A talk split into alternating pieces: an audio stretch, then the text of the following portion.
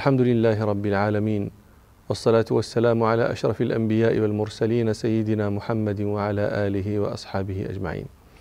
مرت ثلاث سنوات منذ مجيء جبريل عليه السلام إلى رسول الله صلى الله عليه وسلم في غار حراء رسولا من ربه إليه ليرحم ربنا سبحانه العالمين بإرسال هذا الرسول صلى الله عليه وسلم إليهم.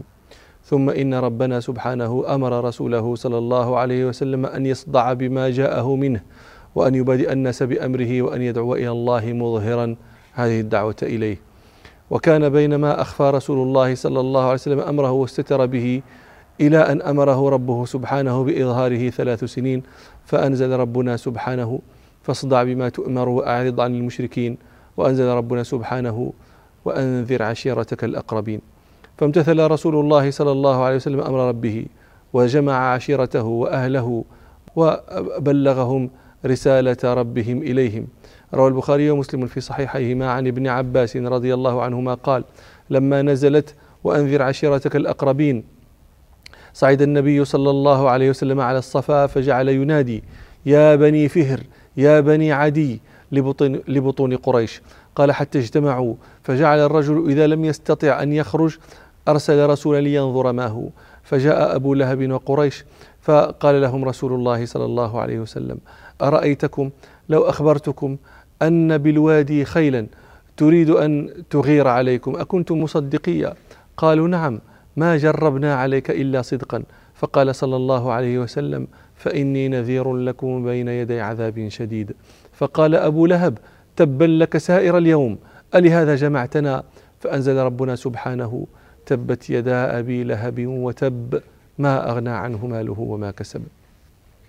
وروى مسلم في صحيحه عن أبي هريرة رضي الله عنه ان أنه قال لما أنزلت هذه الآية وأنذر عشيرتك الأقربين دعا رسول الله صلى الله عليه وسلم قريشا فاجتمعوا فعم وخص صلى الله عليه وسلم قال يا بني كعب بن لؤي أنقذوا أنفسكم من النار يا بني مرة بن كعب أنقذوا أنفسكم من النار يا بني عبد شمس أنقذوا أنفسكم من النار. يا بني عبد مناف أنقذوا أنفسكم من النار. يا بني هاشم أنقذوا أنفسكم من النار. يا فاطمة أنقذي نفسك من النار. فإني لا أملك لكم من الله شيئا إلا أن لكم رحما سأبلها ببلالها. هذه الدعوة المدوية التي ألقاها رسول الله صلى الله عليه وسلم على مسامع قومه من أعالي الصفا. بين رسول الله صلى الله عليه وسلم من أول وهلة قاعدة الإسلام العظمى وهي أنه لا يملك أحد لأحد شيئا. لا يغني أحد عن أحد فتيلا عند الله وإنما المرء بينه وبين ربه ما يقدمه من العمل الصالح المبني على توحيد الله الذي بعث به رسوله صلى الله عليه وسلم. إذا كان رسول الله صلى الله عليه وسلم يعلن لقومه يعلن لعشيرته ولبضعة للبضعة منه فاطمة رضي الله عنها أنه لا يملك لهم شيئا فأن لغيره صلى الله عليه وسلم أن يملك لغيره شيئا. لما بادأ رسول الله صلى الله عليه وسلم قومه وصدع بما جاءه من عند ربه كما أمره ربه سبحانه لم يبعد منه قومه. ولم يردوا عليه لأنه قد كان قبله صلى الله عليه وسلم رجال نابذوا أمر قريش وتركوا ما كانت تصنعه من أمور الجاهلية ودعوا إلى الحنيفية وإلى دين إبراهيم فلم يؤبه بكلامهم ولم يكن أثر لدعوتهم ولم يتبعهم أحد. زيد بن عمرو بن نفيل أحدهم يروي البخاري في صحيحه عن ابن عمر رضي الله عنهما قال كان زيد بن عمرو بن نفيل يعيب على قريش ذبائحها. يقول لهم الشاة خلقها الله وأنزل لها من السماء المطر وأنبت لها من الأرض ثم تذبحونها على غير اسم الله إنكارا لذلك وإعظاما له. وروى البخاري عن زيد بن عمرو بن نفيل أنه كان يقول اللهم إني أشهدك أني على دين إبراهيم. وروى البخاري تعليقا وصله الحاكم والطبراني عن أسماء بنت أبي بكر رضي الله عنهما قالت رأيت زيد بن عمرو بن نفيل قائما مسندا ظهره إلى الكعبة يقول يا معشر قريش ما منكم أحد اليوم على دين إبراهيم غيري؟ وكان يحيي الموءودة وكان إذا أراد الرجل أن يقتل ابنته قال له أعطنيها أكفيك مؤونتها. حتى إذا ترعرعت قال له دعاه فقال له إن شئت دفعتها إليك وإن شئت كفيتك مؤونتها. ثم كان ماذا؟ من تبعه؟ من كان يأبه له؟ كان كلامه صيحة في واد ونفخة في رماد. ومثله أيضا عمرو بن صيفي الذي كان يعني يلقب في الجاهلية الراهب. وكان يظهر التأله ويذكر البعث ويذكر الحنيفية وله قصة.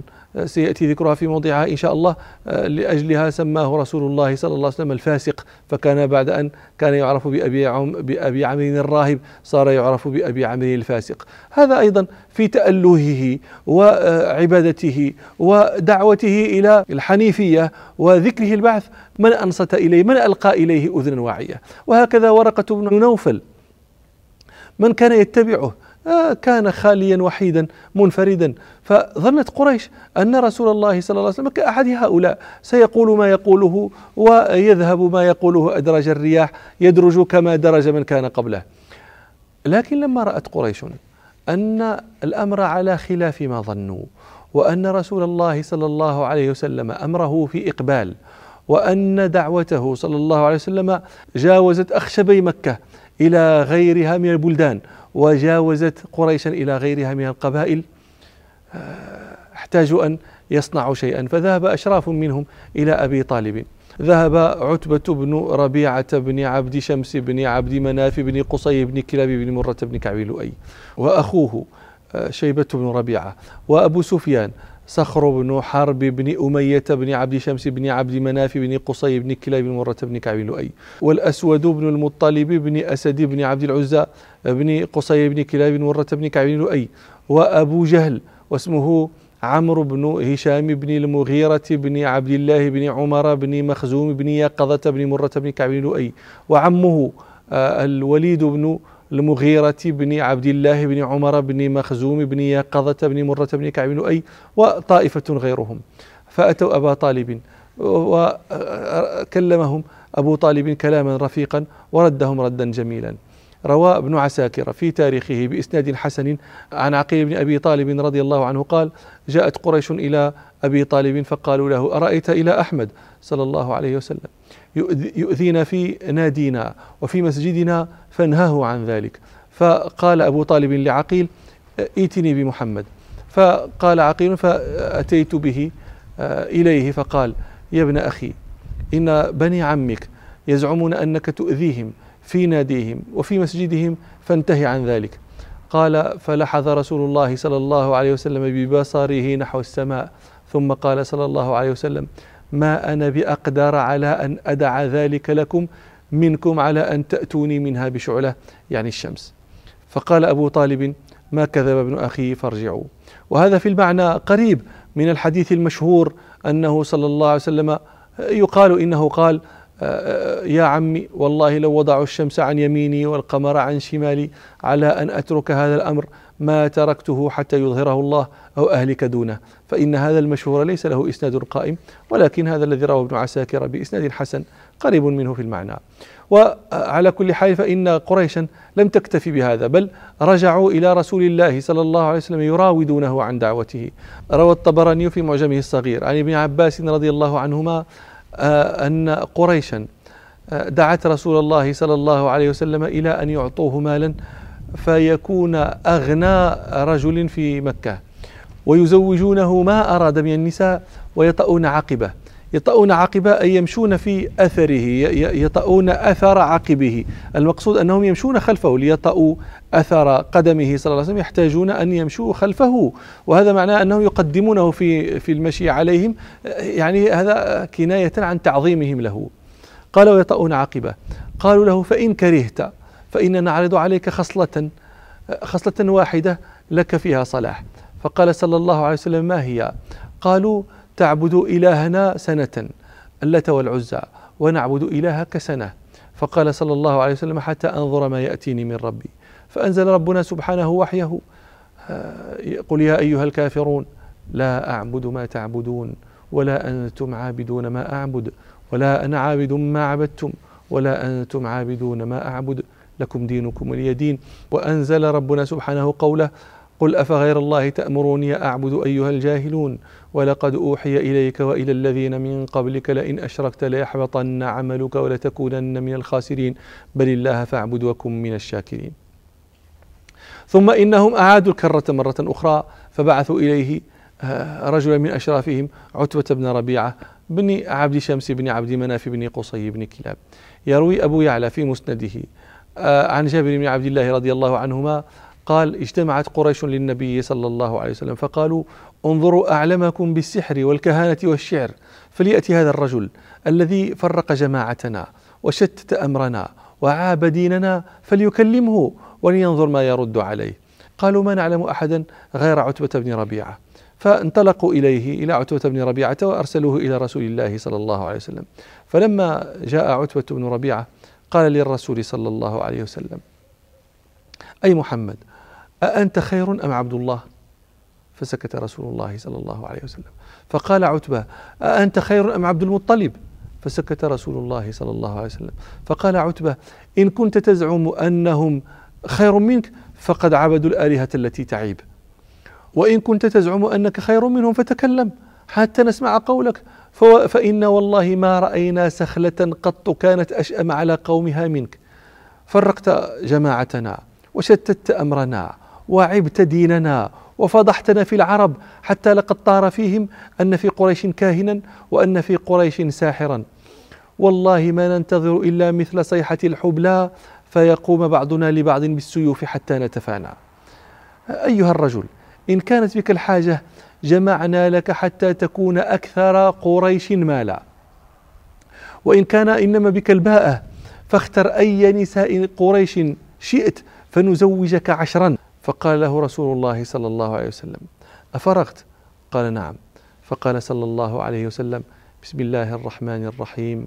حاميم تنزيل من الرحمن الرحيم. كتاب فصلت آياته قرآنا عربيا لقوم يعلمون. بشيرا ونذيرا فأعرض أكثرهم فهم لا يسمعون. وقالوا قلوبنا في أكنة مما تدعونا إليه وفي آذاننا وقر ومن بيننا وبينك حجاب. فاعمل إننا عاملون. ومضى رسول الله صلى الله عليه وسلم يقرأ في هذه في, في هذه الآيات من سورة فصلت إلى أن بلغ قول ربنا سبحانه فإن أعرضوا فقل أنذرتكم صاعقة مثل صاعقة عاد وثمود. فقال له عتبة حينئذ حسبك حسبك. ألا عندك شيء غير هذا؟ قال رسول الله صلى الله عليه وسلم لا. فانطلق عتبة ربيعة راجعا إلى قومه فلما رأوه قالوا ما وراءك؟ قال ما تركت من شيء. أرى أنكم آه، تريدون أن تكلموه به إلا كلمته. فقالوا هل أجابك؟ قال قال والذي نصبها بنية. يقصد الكعبة.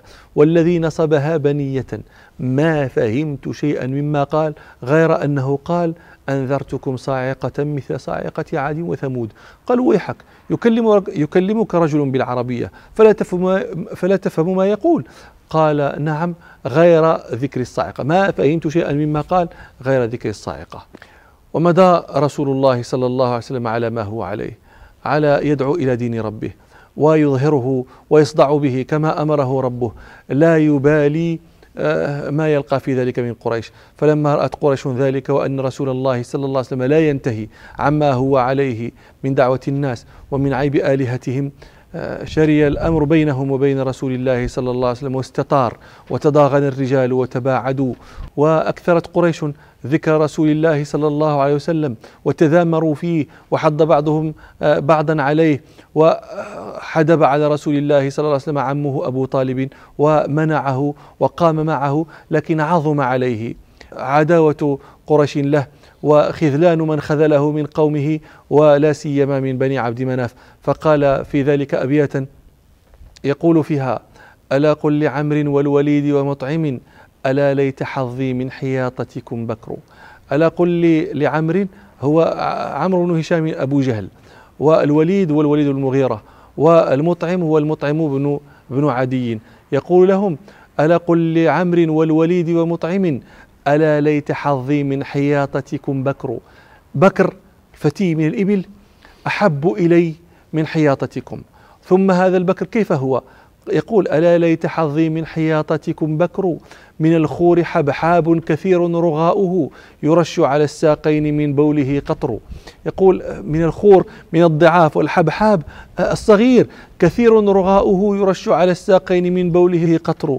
تخلف خلف الورد ليس بلاحق إذا ما على الفيفاء قيل له وبر إذا ما على الفيفاء الصحراء إذا برز في البراز في الصحراء الخالية قيل له قيل له وبر الوبر هذه دويبة صغيرة.